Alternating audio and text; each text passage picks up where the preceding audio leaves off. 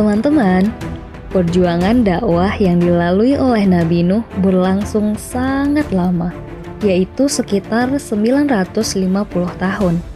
Dalam kurung waktu 950 tahun tersebut, Nabi Nuh sering menerima caci maki dari kaumnya, terutama para petinggi kaum. Para petinggi yang sombong tersebut menyepelekan Nabi Nuh. Mereka menghina dan mengatakan bahwa penganut Nabi Nuh hanyalah orang-orang miskin dan lemah. Di sisi lain, sebagai seorang Muslim, kita sepenuhnya paham bahwa hidayah dan ridha Allah tidaklah bergantung pada banyaknya harta hambanya. Walaupun begitu, tentu saja bukan berarti harta dunia tidak penting ya. Lantas bagaimana seharusnya kita menyikapi hal ini? Untuk menjawab pertanyaan ini, podcast cerita sejarah Islam kedatangan seorang pengusaha yang juga seorang influencer di bidang syiar agama Islam. Ali Al-Jufri namanya. Biasa disapa dengan Bang Ali. Bang Ali ini sangat aktif di akun TikToknya @duta_kuliner. Yuk kita kenalan lebih dalam lagi dengan Bang Ali. Assalamualaikum, halo semuanya, salam kenal. Nama saya Ali Al Jufri. Alhamdulillah sekarang diundang di podcast cerita sejarah Islam. E, cerita sedikit, saya sekarang e, aktivitas sebagai wira swasta, sedang menjalani usaha kuliner di beberapa brand. Ada Spicy One, Topoci Indonesia, Musim Indonesia, Musim Beku, terus e, sebagai distributor Ina Cookies dan sekarang tinggal di Bandung, domisili di Bandung, aktivitas sehari-hari berkutat dengan dunia usaha. Waalaikumsalam Bang Ali. Terima kasih sudah berkenan untuk sharing bareng di podcast Cerita Sejarah Islam. Langsung aja ya Bang, kita masuk ke pertanyaan inti. Jadi Bang, dikisahkan Nabi Nuh digambarkan sebagai nabi yang pengikutnya dari kalangan orang-orang miskin – kaumnya suka mengolok-olok Nabi Nuh. Katanya, kalau benar beliau seorang nabi dan Tuhannya sayang, tidak mungkin kan Nabi Nuh miskin. Kadang juga di masyarakat suka ada suara-suara. Duh, kasihan ya, udah sholat lima waktu, pakai ke masjid segala, tapi keluarganya tetap miskin. Nah, sebenarnya Bagaimana sih cara seorang muslim memandang harta dunia yang seharusnya? Oke, untuk menyikapi kasus Nabi Nuh tadi, eh, pandangan saya, sudut pandang saya dari perspektif seorang pengusaha yang juga senang sharing masalah agama, walaupun bukan ulama, bukan ustadz, tapi senang belajar soal agama. Jadi ini ada dua konteks berbeda untuk menyikapi masalah cara muslim memandang harta dunia. Jadi menurut saya tidak ada korelasi antara kuantitas atau kualitas ibadah kita dengan banyaknya rizki yang Allah berikan dalam bentuk harta. Gitu. Karena Allah tuh tanda Allah sayang ke hambanya itu bukan dengan diberikan harta. Tapi tanda Allah sayang ke hambanya itu dimudahkan dalam ketaatan. Karena sahabat-sahabat terdahulu pun lebih memilih untuk dibayar dengan pahala nanti di akhirat ketimbang dibayar di dunia. Maka dari itu sebetulnya kalau orang muslim melihat ya jauh antara perbandingan dunia dan akhirat. Lalu ketaatan ini bisa dilakukan oleh seluruh orang. Orang kaya maupun orang miskin, desa atau kota tua atau muda, orang sehat atau orang sakit, semua berhak, semua bisa punya peluang yang sama untuk melakukan ketaatan. Dan Allah yang lebih tahu keadaan terbaik kita ini harus seperti apa untuk bisa dekat sama Allah. Dengan keadaan kayakah atau dengan miskinkah? Supaya kita bisa makin dekat sama Allah. Jadi kadang-kadang diberi ujian, diberi kemiskinan, diberi kekayaan itu Allah yang paling tahu karena mungkin dengan cara itu Allah berharap kita bisa lebih dekat dengan Allah. Lalu untuk konteks harta ini menurut saya ini kekayaan ini harta ini sebuah ujian yang berat. Karena kalau kita lihat flashback sahabat Abdurrahman bin Auf ini menangis di, di hadapan Rasulullah ketika Rasulullah katakan uh, Abdurrahman bin Auf ini salah satu sahabat yang dijamin masuk surga oleh Allah semenjak masih di dunia, salah satu dari 10 sahabat. Namun dia menangis karena Rasul katakan dia sahabat yang telat masuk surga dibanding yang lainnya karena hisap yang panjang. Padahal sahabat Abdurrahman bin Auf ini telah mewakafkan hartanya untuk agama. Itu pun masih telat. Artinya ini merupakan sebuah ujian yang Allah berikan pada setiap hambanya. Maka berat untuk orang-orang yang diberikan kekayaan ini tanggung jawabnya berat. Karena nanti dihisapnya itu detail sekali. Didapatkan dari mana, dengan cara apa, dan digunakan untuk keperluan apa. Itu harus bisa terjawab semua. Makanya kalau kita diberikan kekayaan, yang pertama syukur dan gunakan harta yang diberikan oleh Allah, dititipkan oleh Allah untuk keperluan agama. Supaya Allah ridho terhadap apa yang apa yang Allah berikan, apa yang kita lakukan. Tapi kalau kita diberikan kemiskinan, ya sabar. Dan kita berharap sabar itulah yang membuat Allah ridho terhadap terhadap kita. Karena menurut saya selalu ada peluang yang sama untuk bisa dekat sama Allah dalam kondisi apa pun. Jadi syukur dan sabar. Diberikan kekayaan syukur, diberikan harta syukur. Kalau tidak diberikan harta, miskin sabar. Dua-duanya punya potensi yang sama untuk dekat sama Allah. Karena rizki ini sudah Allah tetapkan. Bahkan takdir semua bukan hanya rizki, jodoh dan lain-lain itu sebelum dunia diciptakan sudah Allah tetapkan. Takdir kita masing-masing 50 ribu tahun sebelum dunia di, diciptakan. Jadi itu nggak bisa diotak atik maka tugas kita sebagai manusia ini hanya menjemput rizki, bukan menentukan rizki kita berapa. Tugas kita ikhtiar ini untuk menjemput rizki. Jika habis rizki, kita di dunia, maka kita akan meninggal. Maka tetap ikhtiar pun, apa yang kita lakukan pun, ini merupakan kewajiban kita. Makanya tanda kita syukur atas apa yang Allah berikan, anugerah badan sehat, tubuh yang sehat, iman, Islam, segala macam ini, dengan ikhtiar maksimal. Itu tanda kita bersyukur sama Allah. Tapi walaupun begitu, jangan sampai orientasi kita ikhtiar maksimal supaya mendapatkan hasil yang maksimal. Karena menurut saya itu bertolak belakang. Tidak ada kaitan antara ikhtiar maksimal dengan hasil maksimal. Karena ikhtiar ini tidak ada hubungan dengan hasil. Ikhtiar ini tanggung bentuk tanggung jawab kita, bentuk kewajiban kita sebagai manusia. Tapi hasil ini, nah ini hasil yang Hasil ini perkara lain, bukan ditentukan atas kinerja kita, tapi hasil ini ditentukan oleh Allah mutlak. Karena kaitannya sama rizki. Makanya harus balance antara ikhtiar yang maksimal dengan tawakal yang maksimal. Untuk berserah diri sama Allah. Supaya apa pun yang kita dapatkan atas hasil ikhtiar kita, kita ridho atas ketetapan Allah. Kalau tawakal kita maksimal. Jadi intinya, poinnya cara kita seorang muslim memandang harta dunia ini Dunia ini cukup kita genggam di tangan. Jangan sampai dunia ini masuk dalam hati. Karena kalau dunia sudah masuk dalam hati, kaitannya sama merubah tujuan hidup kita jadi untuk dunia. Karena sebetulnya kita dikirimkan ke dunia ini sementara hakikatnya. Karena dunia tempat transit. Makanya kalau kita masukkan dunia dalam hati, akan sulit hidup kita, akan kacau tujuan hidup kita. Maka dunia cukup kita genggam di tangan. Kenapa digenggam di tangan? Supaya kita tahu. Supaya kita mempergunakan dunia ini, tetap perlu dunia, tapi kita gunakan dunia ini dalam pengawasan kita yang kuat, supaya dunia ini bisa membawa kita pada ketaatan kita kepada Allah yang lebih dekat dengan Allah.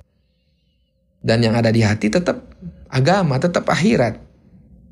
Karena ketika seseorang ber, berorientasi pada akhirat, maka dunia akan datang padanya dalam keadaan hina. Itu sudah rumus gitu lah. Jadi kita cara mana kita terhadap dunia tetap kita harus kerja keras, ikhtiar keras, gapai dunia sebanyak-banyaknya, cukup genggam di tangan supaya ketika dunia itu datang kita tidak terlalu happy, tapi dunia ini hilang juga kita ter, tidak terlalu happy karena bukan maksud. Dan ketika dunia ada digenggam, kita bisa ngontrol dengan kekuatan iman kita. Itu. Hmm, aku cukup tergelitik nih sama pernyataan gak ada korelasi antara usaha maksimal dengan hasil maksimal di dunia. Padahal kalau di buku-buku motivasi, kita sering banget dijajali pernyataan kalau hasil usaha kita bakal sebanding sama besarnya perjuangan kita. Kita suka langsung aja tuh angguk-angguk kepala tanda setuju dengan pernyataan itu. Padahal kan kata Allah, gak semua hal bakal dapat balasan di dunia.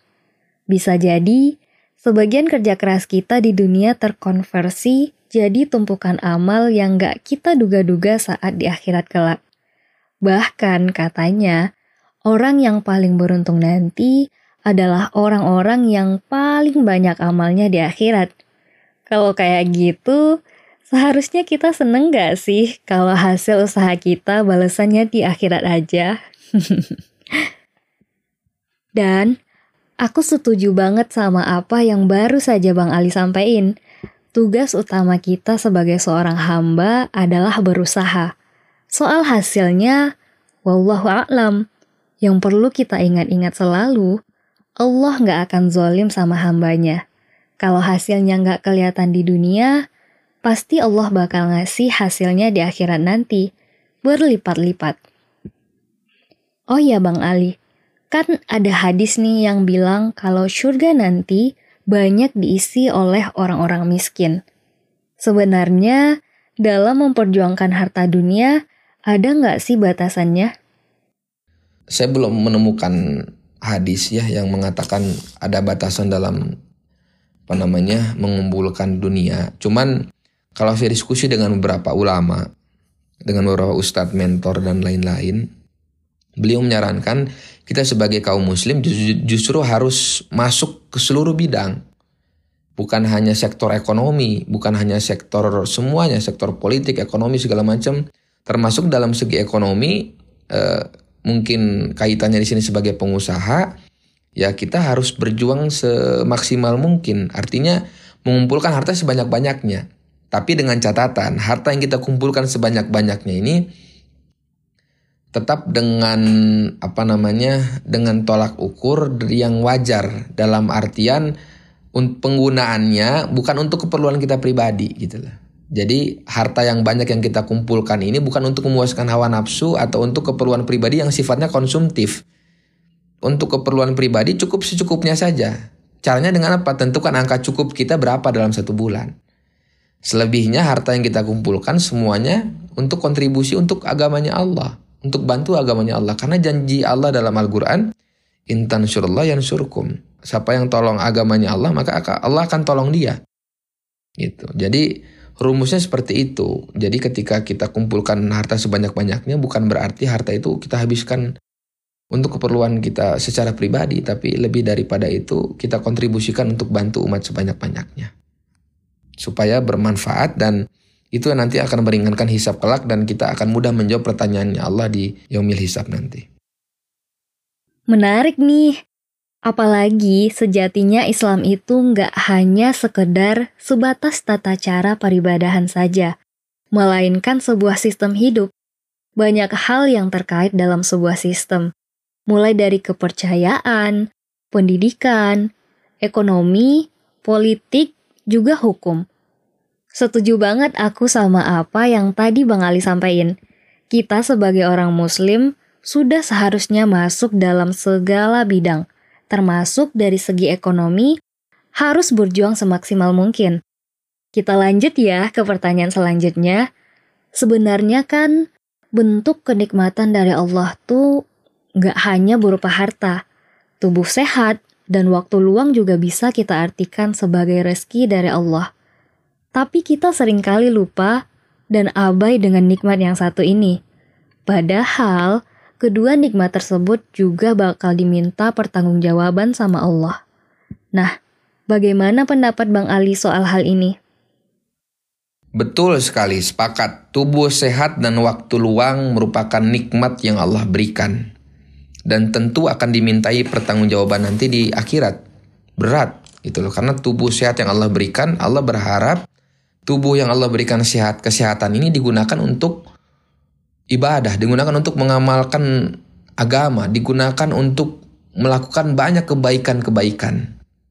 Begitupun dengan waktu luang yang Allah berikan. Waktu luang ini Allah berharap juga ini waktu ini digunakan untuk hal yang bermanfaat. Maka dari itu sebagai seorang muslim yang tahu akan hakikat Kenapa manusia diciptakan ke dunia? Kenapa kita dikirimkan ke dunia sebagai tempat transit dan nanti kita akan ke kehidupan yang selamanya?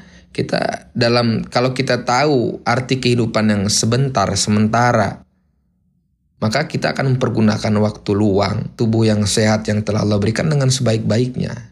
Karena hakikatnya ini semua titipan dan akan dimintai pertanggungjawaban nanti. maka kita akan sangat hati-hati. Mulai dari bangun tidur sampai tidur lagi.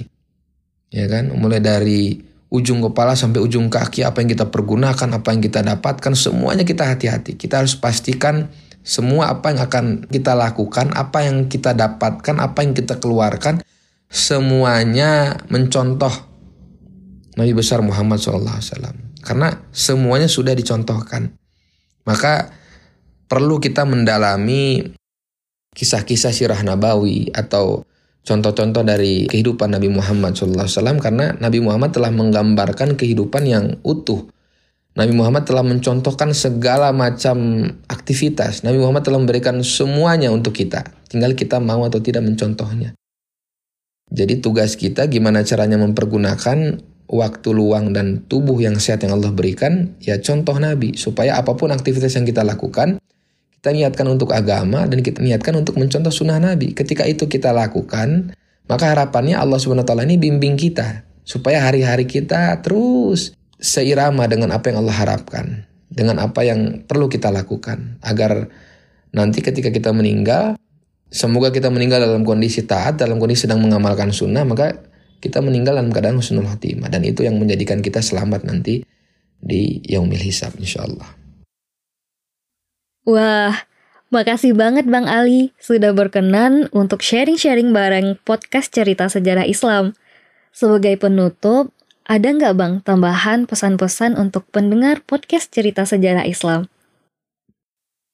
Tambahan lain, saya pikir kita sebagai kaum muslim harus proaktif dalam setiap aktivitas, dalam segala bidang gitu ya sekarang sudah eranya kita harus mempromosikan muslim yang intelektual, muslim yang keren, muslim yang e, menggambarkan kecerdasan gitu ya, emosional dan lain-lain. Kita harus tunjukkan gitu loh bahwa bukan hanya mereka, muslim juga bisa. Muslim itu bukan hanya sekedar taat, hanya sekedar ibadah individual, tapi lebih dari itu kita bisa menebar manfaat di berbagai macam bidang.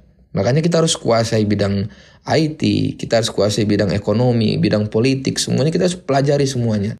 Karena ini bagian dari dakwah gitu loh. Kita harus tunjukkan bahwa muslim bisa. Kita harus cerminkan gitu loh kehidupan baginda Nabi SAW di kehidupan zaman sekarang. Jadi harus masuk di semua bidang dengan harapan ketika orang lihat seorang muslim bisa menguasai berbagai macam bidang dan kita hidupkan sunnah-sunnah baginda Rasulullah, di masing-masing apa yang kita lakukan, harapannya makin banyak orang yang tertarik dengan agama, makin banyak orang yang tertarik dengan Islam, makin banyak orang yang mau belajar tentang Islam.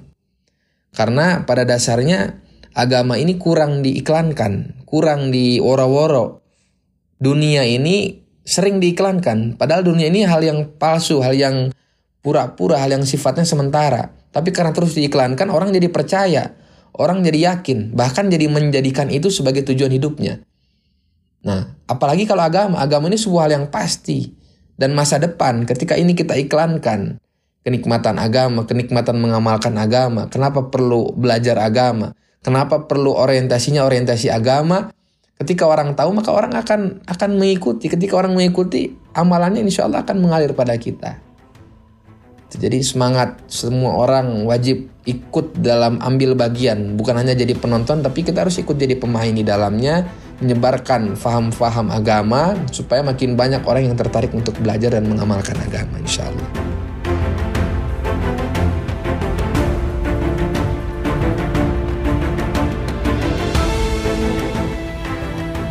Dengan ini, berakhir sudah kebersamaan kita dengan Bang Ali. Di episode selanjutnya, kita masih akan berbincang bersama narasumber keren lainnya. Stay tune ya, karena pembahasan mengenai serial kisah Nabi Nuh masih belum berakhir. Sampai jumpa di next episode, dan wassalamualaikum warahmatullahi wabarakatuh.